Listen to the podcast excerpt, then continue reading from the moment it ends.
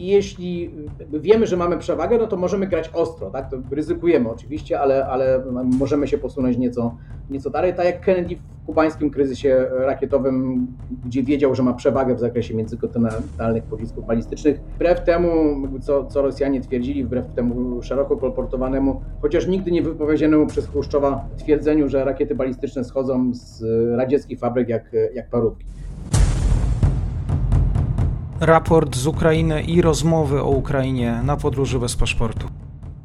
Dzień dobry wszystkim słuchaczom. Dzisiaj mam wielką przyjemność gościć już po dłuższej przerwie. Moim gościem jest pan dr Rafał Kopeć, Instytut Nauk o Bezpieczeństwie, Katedra Bezpieczeństwa Międzynarodowego, Uniwersytet Pedagogiczny imienia Komisji Edukacji Narodowej w Krakowie. Dzień dobry. Dzień dobry panu, dzień dobry państwu. Przepraszam na wstępie za moją nie najlepszą dyspozycję głosową. Nieco musieliśmy przesunąć to, to nagranie, ale nic nie pomogło, tak, by ta dyspozycja jest nadal, nadal nie najlepsza. Nie ma problemu. Myślę, że dla wszystkich dziennikarzy, analityków, ekspertów, którzy zajmują się tym, co na wschodzie, jest to czas trudny, a trzeba jeszcze po prostu pracować, trzeba robić podcast, więc tutaj pełne zrozumienie. Panie doktorze, może rozpoczęlibyśmy dzisiaj od kwestii historycznych. Ukraina broń atomową miała. Jak to się stało, że z niej zrezygnowała? Dobrze, może na wstępie naszej rozmowy takie trzy uwagi, powiedzmy wstępne, zaraz przejdę do odpowiedzi na Pana pytanie. Po pierwsze, tak, jest takie powiedzenie, że na wojnie wszystko jest możliwe, ale nie wszystko jest równie prawdopodobne. Tak? I żeby było jasne, y, bo będziemy tu zapewne rozmawiać też o takich kwestiach hipotetycznego użycia broni nuklearnej w tym, w tym konflikcie. Wykorzystanie tej broni nuklearnej jest mało prawdopodobne. Tak należy to podkreślić, gdyż uważam, że potęgowanie strachu jest w pewnym sensie wpisywaniem się w rosyjską narrację. Także nie wykluczamy żadnej możliwości, rozważamy różne scenariusze, ale te odnoszące się do broni nuklearnej traktujemy jako charakteryzujące się niewielkim prawdopodobieństwem. Po drugie, tak, kolejna sentencja, tak, przypisywana Nilsowi Borowi, tak, mówi na poły żartobliwie, że prognozowanie jest trudne, zwłaszcza jeśli dotyczy przyszłości. Tak więc możemy tu omawiać różne warianty rozwoju sytuacji, próbować szacować prawdopodobieństwo ich wystąpienia, no ale nie mamy szklanej kuli, nie, nie znamy przyszłości. I trzecia uwaga, te rozważania dotyczące broni nuklearnej, odstraszania na poziomie strategicznym obejmują często kalkulacje czynione w sposób niemalże matematyczny. Tak? Przykładowo w latach 60. amerykański sekretarz obrony Robert McNamara, wywodzący się zresztą z wielkiego biznesu, zakładał, że dla Związku Radzieckiego straty nie do zaakceptowania, warunkujące zdolność Stanów Zjednoczonych do odstraszania, to jest utrata przez Związek Radziecki 2 trzecie potencjału przemysłowego i 1 czwarta do 1 trzeciej populacji. Tak więc takie spojrzenie widzące w prowadzeniu wojny wręcz naukę ścisłą, tak, czy przedmiot zarządzania ilościowego, nie powinno nam jednak przesłonić faktu, że, że wojna, każda wojna, tak, bo nie mówimy tylko tu o tej hipotetycznej wojnie nuklearnej, jest jednak czymś więcej. Tak, tu dochodzą do głosu takie czynniki jak cierpienie, nienawiść, determinacja. Jeśli tego nie uwzględnimy, to nie tylko umyka nam z pola widzenia ten moralny aspekt wojny, ale przede wszystkim mamy zafałszowany obraz rzeczywistości. Tak? Spojrzenie na, na wojnę w wymiarze abstrakcyjnym przez pryzmat przedstawiania figur na szachownicy, czy czy tabelek, w których podliczamy, porównujemy wartości liczbowe, dostrzeganie w niej jedynie takiej bezcielesnej operacji rozgrywanej na mapie czy na, na, na stole sztabowym, to już niejednego stratega zaprowadziło na, yy, yy, na manowce. Natomiast no, wracając do, yy, do Pana pytania, rzeczywiście tak Ukraina miała broń nuklearną, to była broń odziedziczona po Związku Radzieckim, po rozpadzie Związku Radzieckiego, ta ta broń znalazła się oprócz Rosji w trzech innych krajach poradzieckich, tak, w Ukrainie, na Białorusi i w Kazachstanie. I rzeczywiście wszystkie te, te państwa broni nuklearnej się pozbyły pod y, presją międzynarodową, szczególnie pod presją amerykańską. Tak, Amerykanie y, byli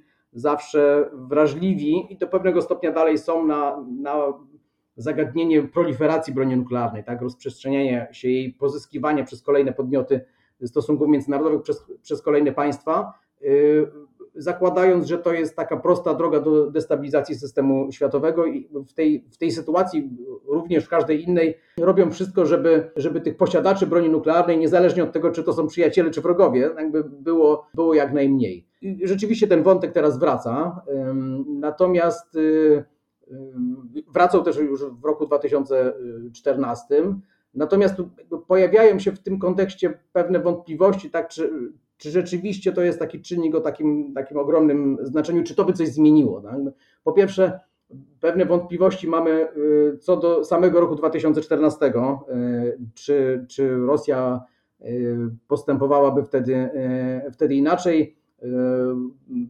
Ja zawsze powtarzam tak, że to odstraszanie nuklearne, każde odstraszanie, ale szczególnie nuklearne, tak żeby było skuteczne, to jest warunkowane posiadaniem dwóch elementów. Tak? Pierwszy to jest możliwość użycia samej broni nuklearnej, jakby ten element taki powiedzmy materialny, Y, i coś, co tak powiedzmy pół żartem, tak jakby Meksykanie i ludy, inne ludy hiszpańskojęzyczne określają jako cojones, tak, czyli w języku bezpieczeństwa międzynarodowego to się nazywa determinacją wolą polityczną. I tu mamy oczywiście wątpliwości, czy, czy w 2014 roku, y, kiedy no nie bardzo było wiadomo, jak się w ogóle zachować y, względem tej, tej rosyjskiej agresji, czy ten drugi czynnik władze ukraińskie y, wykazywałyby się jego posiadaniem. Y, tu te wątpliwości są duże. Y, wątpliwości też dotyczą tego pierwszego czynnika. Czy naprawdę Ukraina miała kiedykolwiek broń nuklearną w pełnym znaczeniu tego słowa. Tak, ta broń nuklearna po rozpadzie Związku Radzieckiego znajdowała się na terenie Ukrainy, natomiast nie jest do końca jasne, czy Ukrainie po rozpadzie ZSRR udało się ustanowić kontrolę nad tym arsenałem. Tak? Y, czy to tylko było na tej zasadzie, że, że ten, ten arsenał pokaźny y, znajdował się tylko na, na terenie Ukrainy? Prawdopodobnie udało się ustanowić tak zwaną kontrolę negatywną, tak? czyli Ukraina mogła powstrzymać użycie tej broni, ale nie udało się ustanowić tak zwanej kontroli pozytywnej, tak? czyli nie miała możliwości y, samodzielnego jej użycia. Do, do tego potrzebne są jakby nie tylko, nie tylko sama ta broń, ale jakby cała E, rozbudowana struktura, którą, którą Amerykanie określają mianem e, command and control. E, więc tu zapewne ani jeden, ani drugi warunek nie był, nie był spełniony. Oczywiście Ukraina była świadoma, że jej bezpieczeństwo nie jest zapewnione tak, po, po powstaniu tego państwa, gdyż dzieliło ją z Rosją wiele sporów od samego początku. Przynależność Krymu, status floty czarnomorskiej, demarkacja granicy, Ukraińcy chcieli więc od Stanów Zjednoczonych gwarancji bezpieczeństwa, takich jakich Amerykanie udzielają sojusznikom, tak? czyli w skrócie potraktowania ataku na dane państwo jak ataku na siebie. Natomiast Amerykanie nie chcieli tego typu y, tak daleko idących gwarancji udzielić, natomiast jakby rzeczywiście była presja ze strony Stanów Zjednoczonych, groźba izolacji Ukrainy na, na arenie międzynarodowej, y, właśnie jako takiego pariasa trochę wspólnoty międzynarodowej, który, który posiada tą broń nuklearną tak poza, poza kontrolą, poza reżimem traktatu o nierozprzestrzenianiu broni nuklearnej. Y, I jakby tu na arenę dziejów wkracza to memorandum budapesztańskie, jakby często, często przywoływane. Y, tu przypomnijmy jeszcze raz, bo jakby nieraz pojawiają się w przestrzeni publicznej, y, czy tam w dyskusjach właśnie argumenty o tym, że Amerykanie czy Brytyjczycy będący jakby stroną też tego, tego memorandum mieli jakoby obowiązek obrony Ukrainy, to nie było w ten sposób sformułowane, czyli to, to państwa te trzy, które były gwarantami tego memorandum, czyli Rosja, Ukrain, y, Rosja, Stany Zjednoczone i Wielka Brytania, zobowiązywały się tylko do poszanowania suwerenności i integralności terytorialnej Ukrainy. Natomiast w przypadku, gdy któreś państw naruszyłoby tę tą suwerenność i integralność Ukrainy, to jedyne zobowiązanie to było zobowiązanie do konsultacji, tak, które rzeczywiście miały miejsce, czyli takie zobowiązanie niewiele niewiele mówiące. Czyli Rosja jak najbardziej złamała ustalenie tego, tego memorandum, natomiast ono y, w takiej sytuacji y, nie nakładało na Stany Zjednoczone czy na Wielką Brytanię obowiązku mm, obrony mm, Ukrainy. Do tego jeszcze są wątpliwości, na ile był to akt, jakby prawnie wiążący akt prawa międzynarodowego, tak? a na ile tak zwane porozumienie niewiążące o charakterze politycznym. To jest kwestia prawa międzynarodowego, ja tu nie chcę bardzo głęboko w w to wchodzić, natomiast są przesłanki do twierdzenia, że jest to jednak porozumienie polityczne, tak? nie, nie wiążące stron jakby tak bardzo jak, jak traktat międzynarodowy. Świadczy o tym chociażby tak zwana następcza praktyka sygnatariuszy, czyli chociażby reakcja strony ukraińskiej na incydent w Cieśninie Kerczeńskiej w 2018 roku, gdzie w oświadczeniu ukraińskim nie wysuwa się żądań w stosunku do Rosji, tak jakby się to wysuwało, kiedy, y, kiedy strony byłyby związane traktatem międzynarodowym, tylko powołuje się na memorandum budapesztańskie jako ważny instrument międzynarodowy. Tak? Y, oczywiście powstaje pytanie, dlaczego Ukraina zdecydowała się zawrzeć takie porozumienie, ale ta odpowiedź jest prosta, tak? lepsze takie niż żadne. Tak? Dodatkowo, y, jeśli nawet zawarto by traktat międzynarodowy, no to pytanie, czy to by coś zmieniło, tak? Wszak państwa e, przestrzegają traktatów, jeśli jest to w interesie. Zresztą e, te e, założenia, które tam były w memorandum budapesztańskim, czyli gwarancja poszanowania integralności terytorialnej, suwerenności Ukrainy, to tylko jest potwierdzenie gwarancji, które generalnie państwa mają w prawie międzynarodowym na, na podstawie chociażby karty ONZ.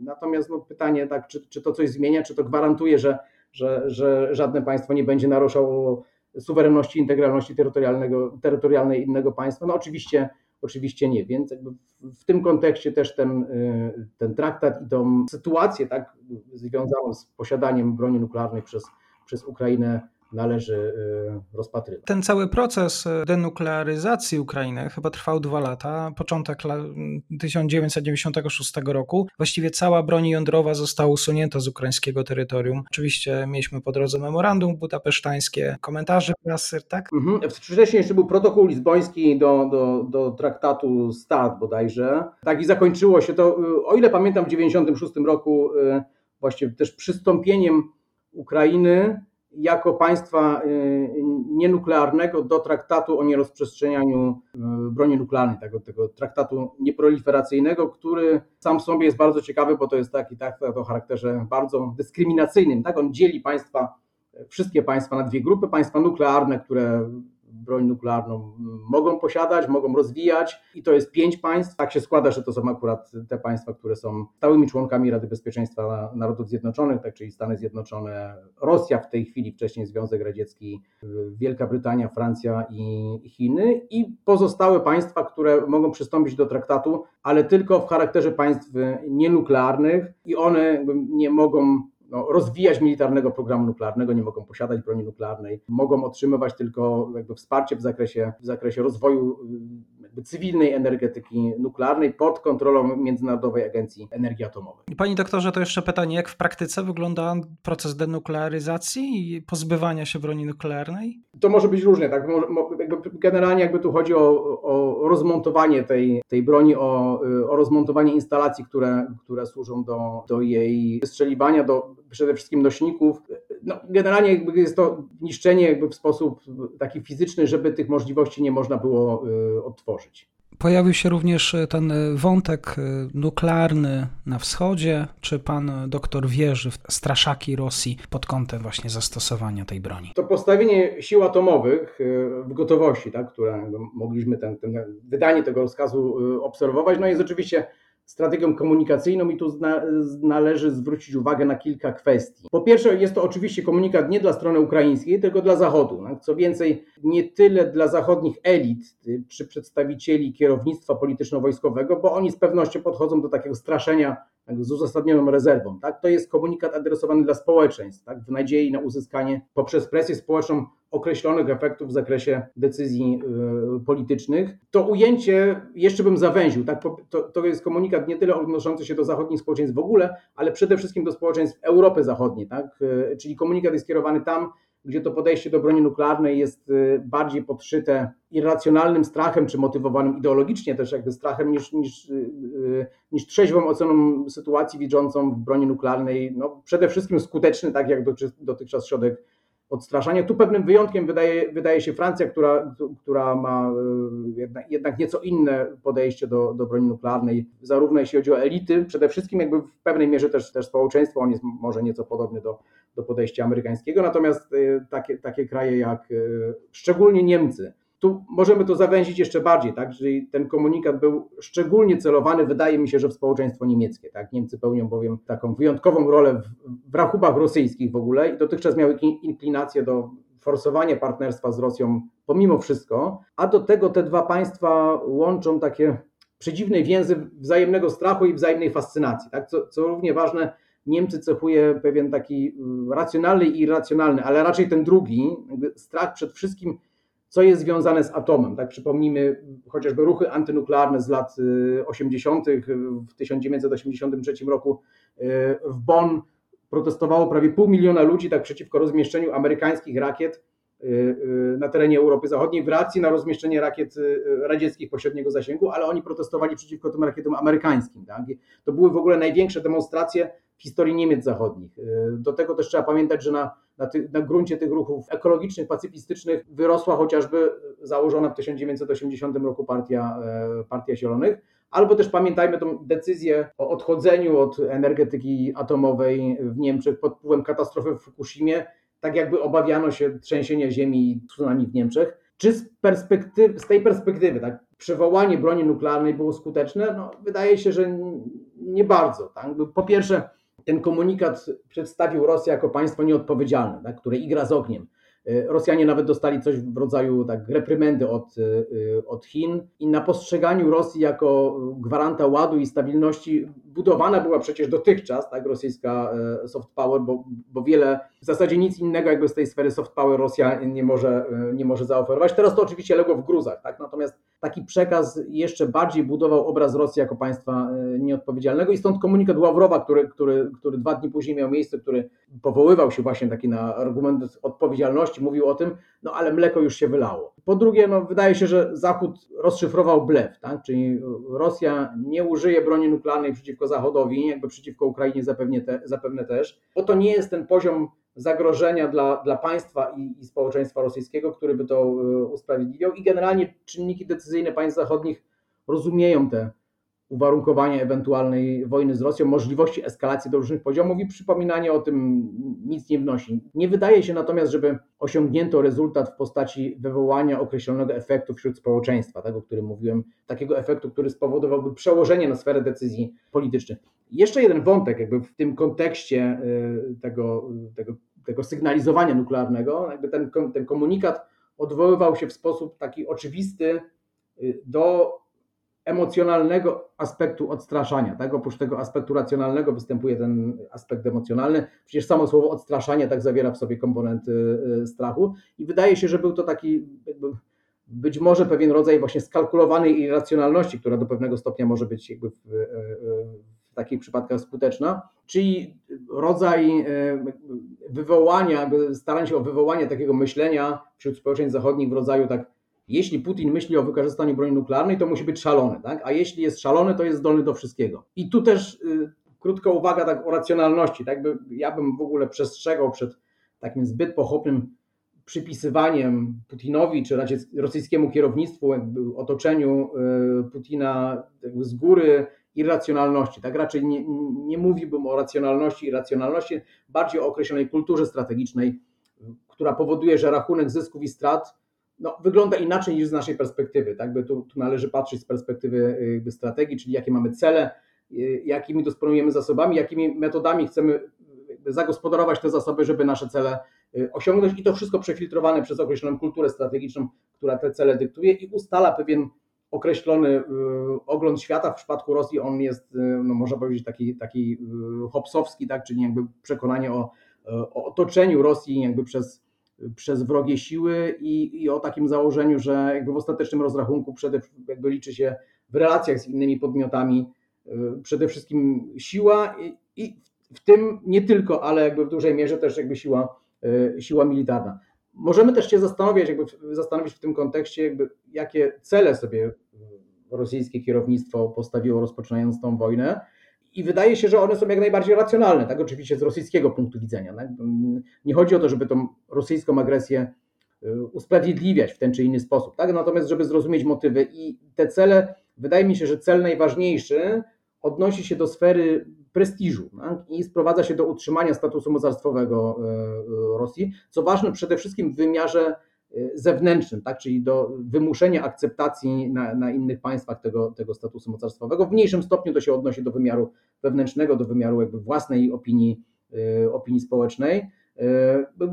Ten cel można różnie określić szczegółowo, tak? czy to jest stworzenie układu trójbiegunowego, tak z trzema równoprawnymi biegunami, zakładając, że w przeciwnym razie świat będzie zmierzał w kierunku tego ładu dwubiegunowego, czy o to, żeby Rosja była podmiotem, przedmiotem, a nie, znaczy nie była przedmiotem, tylko podmiotem relacji międzynarodowych, czy o równoprawny udział w nowym koncepcie mocarstw, jakby niezależnie od tego, jak to określimy, to, to wydaje się, że jakby idzie o zagwarantowanie pozycji międzynarodowej w sytuacji, gdy rzeczywiste możliwości Rosji względem możliwości innych centrów siły e, słabną. I dopiero w drugiej kolejności rozważyłbym takie argumenty odnoszące się do terytorium, demografii, tak, chęci zwiększenia rozporządzalnej liczby ludności, czy też kultury, tak, zjednoczenia narodów, e, grup etniczych właśnie wschodniosłowiańskich pod e, jednym panowaniem. To są oczywiście kwestie ważne, tak, i nie deprecjonowałbym tych czynników, a już szczególno, w szczególności jako narzędzi inżynierii społecznej, budowania poparcia w polityce wewnętrznej, ale mam wrażenie, że to, są, jakby to nie są cele same w sobie, tylko bardziej niezbędne kroki na drodze do realizacji celu nadrzędnego, jakim jest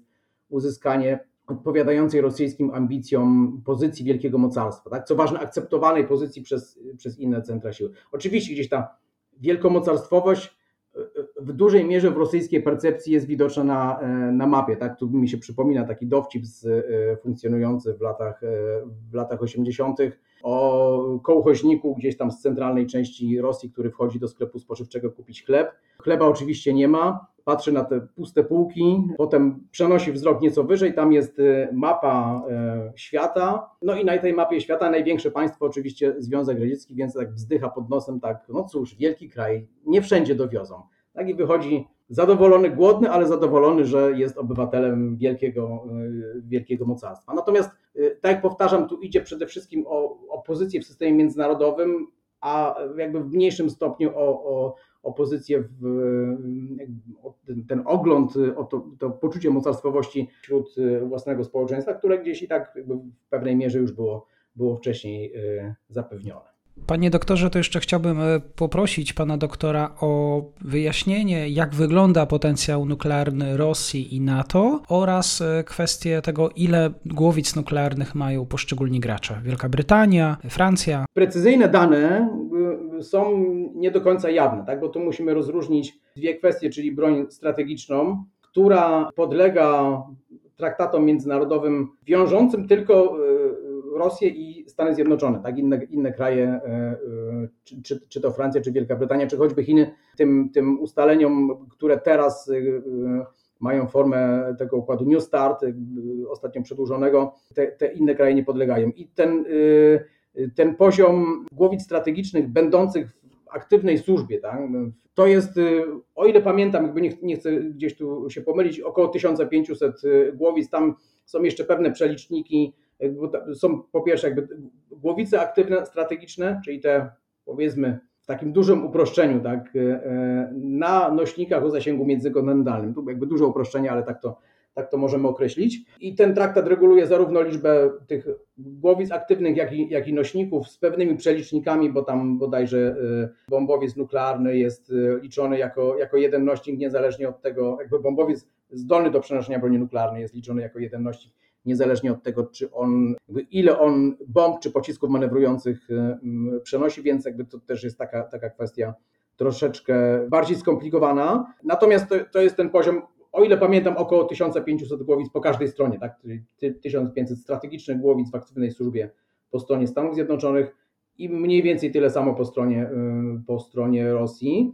Do tego dochodzi cała broń niestrategiczna, która nie jest obwarowana żadnymi, e, żadnymi traktatami. Dotychczas był, był jeszcze traktat e, o rakietach zasięgu pośredniego, tak to się, tak to się określało, intermediate, natomiast i, i ta broń w zasadzie została zupełnie wyeliminowana z arsenałów e, Stanów Zjednoczonych i, i Rosji, a wcześniej Związku Radzieckiego, bo to, to był rok 1987, natomiast ten traktat jakby już został y, wypowiedziany i, i, i zapewne będziemy obserwować renesans tej kategorii broni. I do tego jest jeszcze cała broń y, taktyczna, o której, która nie podlega żadnym traktatom i są szacunki, które mówią, że wszystkich głowic, które, które Rosja posiada, wszystkich kategorii, zarówno tych, które, które są w aktywnej służbie, jak i tych, które są zmagazynowane, powiedzmy, no to jest około 5-6 tysięcy głowic, ale to są szacunki, tak by trudno mi się do tego, e, do tego odnieść. Być może Stany Zjednoczone to jest podobna liczba, być, być może nieco, nieco mniejsza. jeśli chodzi o tą broń taktyczną, powiedzmy, chociaż to, to jest nie do końca takie ta broń taktyczna to jest w zasadzie broń pola walki, tak, czyli używana na, na, na, na polu walki, na, na, na bliskim zapleczu. Tu ten zakres użycia tej, tej broni y, amerykańskiej może być nieco inny, y, nieco szerszy i to jest, y, y, jakby wiemy około 160-200 y, głowicach na, zamontowanych na bombach grawitacyjnych B-61, które są teraz modernizowane do, do nowego standardu w ramach tak zwanego mechanizmu nuclear sharing, czyli rozmieszczenia tej broni na, ter, na, w bazach na terenie pięciu krajów natowskich, tak, europejskich, z możliwością udostępnienia tej, tej broni właśnie sojusznikom jakby w przypadku wybuchu konfliktu zbrojnego. Tak? To jakby o tym, o tej części amerykańskiego arsenału taktycznego wiemy, wiemy nieco więcej, natomiast to, to nie jest jakby całość amerykańskiego arsenału y, taktycznego. No i oczywiście, jeśli chodzi o państwa NATO, no to jest jeszcze Wielka Brytania i, i Francja i to są poziomy w granicach 300 y, głowic, w przypadku Wielkiej Brytanii chyba, chyba nieco mniej i Wielka Brytania to jest, to jest tylko potencjał zamontowany na, mm, przenoszony przez rakiety balistyczne odpalane z e, okrętów podwodnych, tak zwane boomery, czyli ten, ten morski element triady strategicznej, to są cztery, cztery tego typu okręty e, z rakietami Trident, e, rakietami powiedzmy wspólnymi z, z rakietami amerykańskimi. Głowica jest formalnie mm, konstrukcją wspólną.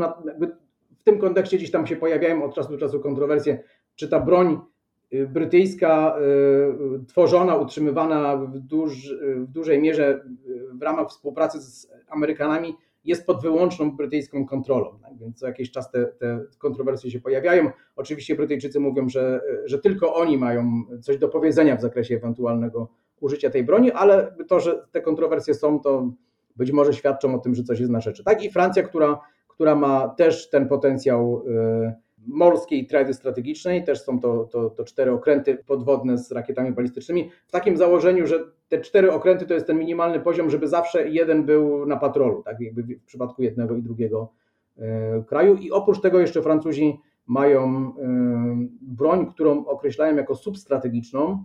E, to są pociski manewrujące ASMP na, jakby przenoszone przez, przez samoloty zarówno jakby to mogą być samoloty lotnictwa e, e, sił powietrznych, jak i, jak i marynarki wojennej i to jest broń, która jest określana,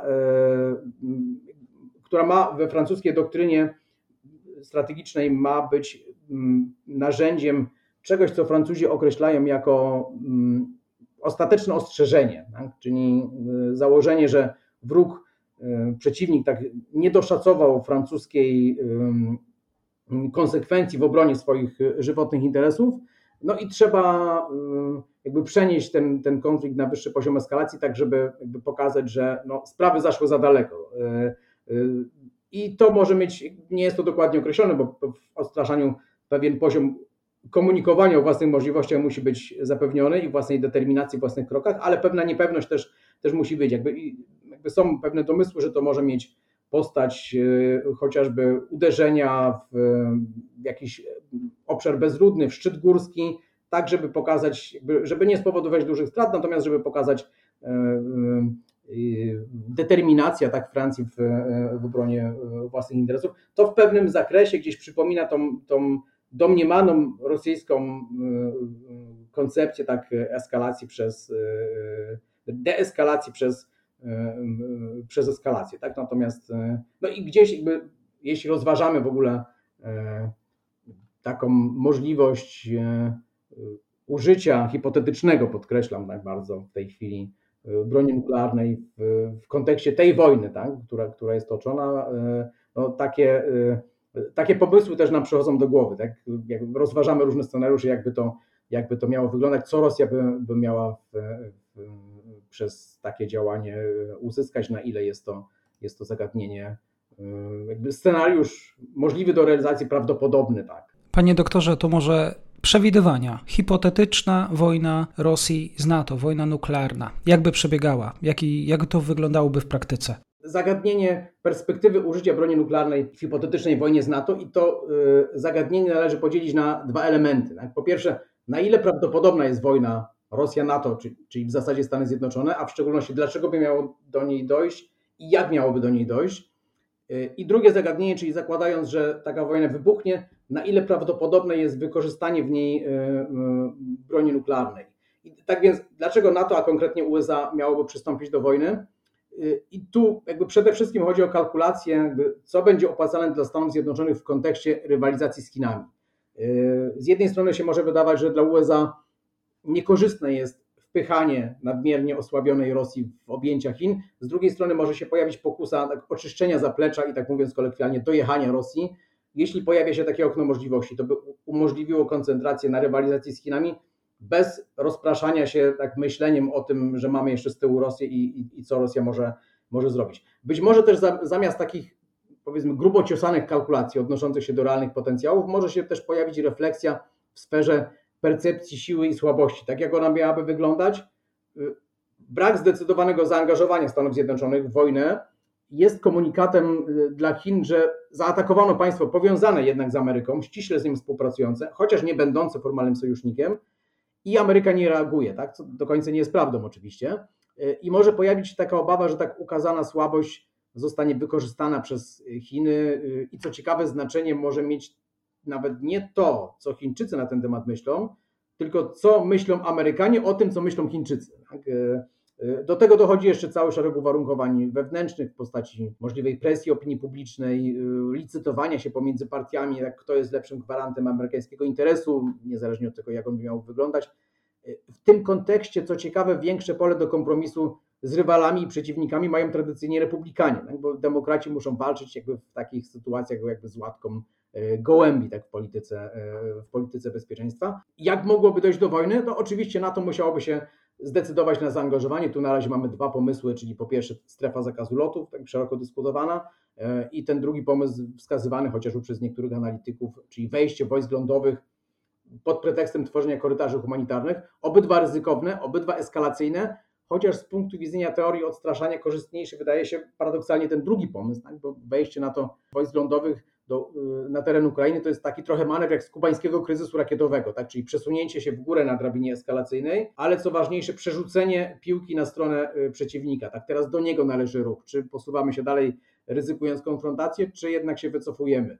Y, w przypadku eskalacji cała sztuka polega właśnie na przeniesieniu ciężaru decyzji o dalszej eskalacji na przeciwnika. I teraz kwestia zasadnicza. Tak? Czy w przypadku włączenia się NATO do wojny możemy obawiać się, że przekształci się ta wojna w konflikt nuklearny. Tak? E, jeśli Rosja w tej tak zwanej grze w cykora stchórzy, to oczywiście nie. Tak? Natomiast jeśli nie stchórzy i wojna przybierze postać konfliktu pełnoskalowego, no to w zasadzie nie widzę powodu, dla którego mieliby, mielibyśmy z góry założyć, że wojna między Rosją e, a NATO musi być wojną konwencjonalną.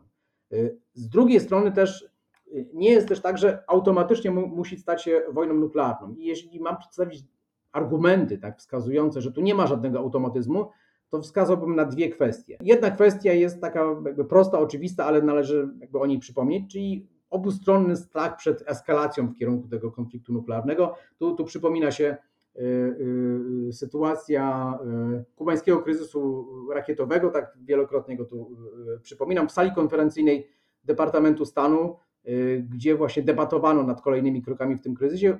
Podobno tak, umieszczono napis: W erze nuklearnej państwa muszą prowadzić wojnę tak jak jeżo zwierzę uprawiają miłość, tak? czyli bardzo ostrożnie. Więc to jest pierwszy argument. Po drugie, Rosja to jednak nie Związek Radziecki. Relacje, relacje militarne ze Stanami Zjednoczonymi nie są już tak symetryczne jak w czasie y, zimnej wojny. Co to oznacza? Tak? Jeśli w czasie zimnej wojny zakładano, że wojna nuklearna może nie mieć zwycięzców i przegranych, a nawet obawiano się, że przyniesie zagładę gatunku ludzkiego, to obecnie wcale tak nie musi być. Jest to co prawda taka kalkulacja karkołomna, ale możemy wyobrazić sobie wojnę z wymianą ciosów na poziomie strategicznym, wymianą ciosów nuklearnych na poziomie strategicznym, która ma zwycięzców i przegranych, a tym przegranym jest Rosja. Tak? Tu należy wskazać na, na, na dwa elementy takie bardziej szczegółowe. Po pierwsze są wątpliwości co do możliwości wykonania zmasowanego ataku przez, yy, przez Rosję. Rosja posiada około 300, nieco ponad być może, międzykontynentalnych pocisków balistycznych bazowania lądowego w, yy, we wzmocnionych silosach oraz na, na wyrzutniach mobilnych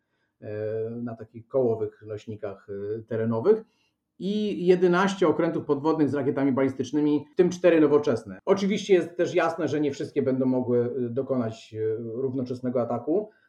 Pomijam jeden wielki okręt podwodny typu Aqua, który pełni formę raczej takiej platformy testowej i pomijam w ogóle tą lotniczą część triady strategicznej, bo jej możliwości w zakresie penetracji amerykańskiej przestrzeni powietrznej są w najlepszym razie dyskusyjne. I do tego dochodzą wątpliwości, na ile, jaka jest gotowość tego arsenału, tego nie wiemy, e, ale łącznie jakby możemy się zastanawiać, ile pocisków łącznie Rosja będzie w stanie wyekspediować w kierunku USA. 300, może 400, no trudno to jednoznacznie określić, ale tu dochodzimy do drugiego elementu, czyli amerykańskich możliwości przeciwbalistycznych, no, e, czyli tych systemów, tej tarczy antyrakietowej, e, mówiąc popularnym językiem. Amerykanie zawsze deklarowali, że te zdolności są wymierzone w tak zwane państwa zbójeckie, tak jak, jak Iran, jak, jak Korea Północna, a nie w Rosję i nie mają możliwości neutralizacji ataku zmasowanego, ale powstaje pytanie, czy rzeczywiście tak jest. Tak, Stany Zjednoczone mają w tej, w tej warstwie najwyższej 44 pociski GBI, e, przeznaczone do zwalczania właśnie pocisków międzykontynentalnych balistycznych na środko, w środkowej fazie lotu e, w przestrzeni kosmicznej na dużym, na dużym pułapie. W tym aż 40 umieszczonych jest na Alasce e, w bazie Fort Greely i jak na pociski mające zwalczać rakiety południowo-koreańskie, to one są zaskakująco dobrze ulokowane geograficznie z punktu widzenia zwalczania rakiet rosyjskich. Do tego dochodzi, i to jest najważniejszy element, około 400 rakiet y, SM-3, głównie na wyrzutniach okrętowych. One mają mniejsze możliwości, ale w listopadzie 2022 roku przeprowadzono pierwszy test polegający na zwalczaniu rakiet międzykontynentalnych przez ten system przechwytujący. To jest większe wyzwanie ze względu na y, i prędkości takich, takich celów, jak i na, na, na pułap, ale ten test zakończył się sukcesem. Do tego dochodzi jeszcze 7 baterii rakiet THAAD, które mają niszczyć głowice, które by się przedarły przez wcześniejsze warstwy końcowej fazie lotu. W zasadzie może się okazać, że ta amerykańska tarcza ma możliwość neutralizacji albo bardzo znacznego osłabienia strategicznego ataku nuklearnego y, Rosji, takiego jakiego Rosja by, byłaby w stanie w tej chwili przeprowadzić, gdyby to był atak tak zwany counterforce, tak, czyli atak na, na amerykańskie siły nuklearne, tak żeby nie mogły dokonać odwetu, no to jest to oczywiście za mało, żeby zniszczyć y, y, te, te siły i, i Rosja byłaby w zasadzie wystawiona bezbronna na amerykański atak odwetowy. Nawet Amerykanie nie musieliby go uruchamiać, wystarczyłoby zagrozić nimi, czekać na kapitulację albo na, na, na, na bunt społeczny. Oczywiście tu nie mamy pewności co do rosyjskich faktycznych możliwości, nie mamy też pewności co do faktycznej skuteczności tych systemów amerykańskich w prawdziwym konflikcie, ale bardziej tu chodzi o taką strategiczną kalkulację. Ona się wydaje może niedorzeczna jakby do, do pewnego stopnia, ale pamiętajmy o jednym, że jeśli sytuacja eskaluje, to rozważane są szanse poszczególnych stron na każdym poziomie, tak, nawet na tym najwyższym poziomie eskalacji. I jeśli wiemy, że mamy przewagę, no to możemy grać ostro, tak? To ryzykujemy oczywiście, ale, ale możemy się posunąć nieco, nieco dalej. Tak jak Kennedy w kubańskim kryzysie rakietowym, gdzie wiedział, że ma przewagę w zakresie międzykontynentalnych pocisków balistycznych. Wbrew temu, co, co Rosjanie twierdzili, wbrew temu szeroko kolportowanemu, chociaż nigdy nie wypowiedzianemu przez Chruszczowa twierdzeniu, że rakiety balistyczne schodzą z radzieckich fabryk jak, jak parówki. Natomiast jeśli licytujemy wyżej niż sięgają nasze możliwości, no to w tym ostatecznym, na tym ostatecznym poziomie kończymy właśnie tak jak Chruszczow w, w przypadku tego kryzysu, musimy się e, e, wycofać. I jeszcze jedna taka uwaga, nieco może na marginesie, ale w kontekście tego typu rozważań, tego typu poziomu rozważań, jeśli zdarzyłoby się coś podkreślam, mało prawdopodobnego, tak, czyli pełnoskalowa wojna między Rosją a, a NATO, czyli de facto Stanami Zjednoczonymi, to paradoksalnie odpowiadałoby to amerykańskiej tradycji militarnej, tak, która lepiej odnajduje się w przypadku wojen y, nieograniczonych, tak, y, y, które zakładają bezwarunkową kapitulację przeciwnika, a nie jakichś wojen ograniczonych, toczonych o jakieś rozmyte cele polityczne, jak nie wiem, budowa nowego społeczeństwa w Afganistanie, czy demokracja na, na, na Bliskim Wschodzie. Tak? Generał MacArthur jakby mawiał, że nie ma alternatywy dla zwycięstwa.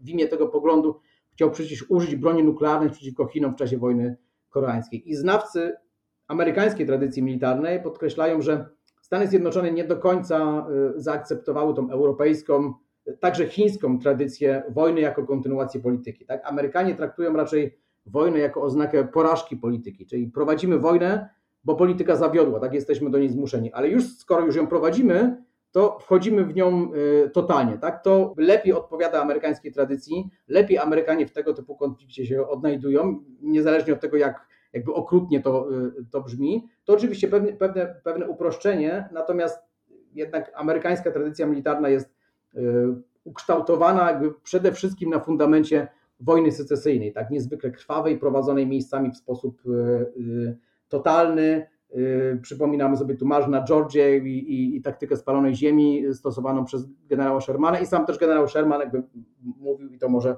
być dobra puenta naszej rozmowy, tak war is hell, tak, wojna to, to piekło i tak ją powinniśmy mm, postrzegać. Serdecznie dziękuję słuchaczom za to, że jesteście na tym kanale, za odsłuch audycji. Moim gościem dzisiaj był pan doktor Rafał Kopeć. Kłaniam się nisko, do usłyszenia. Dziękuję również.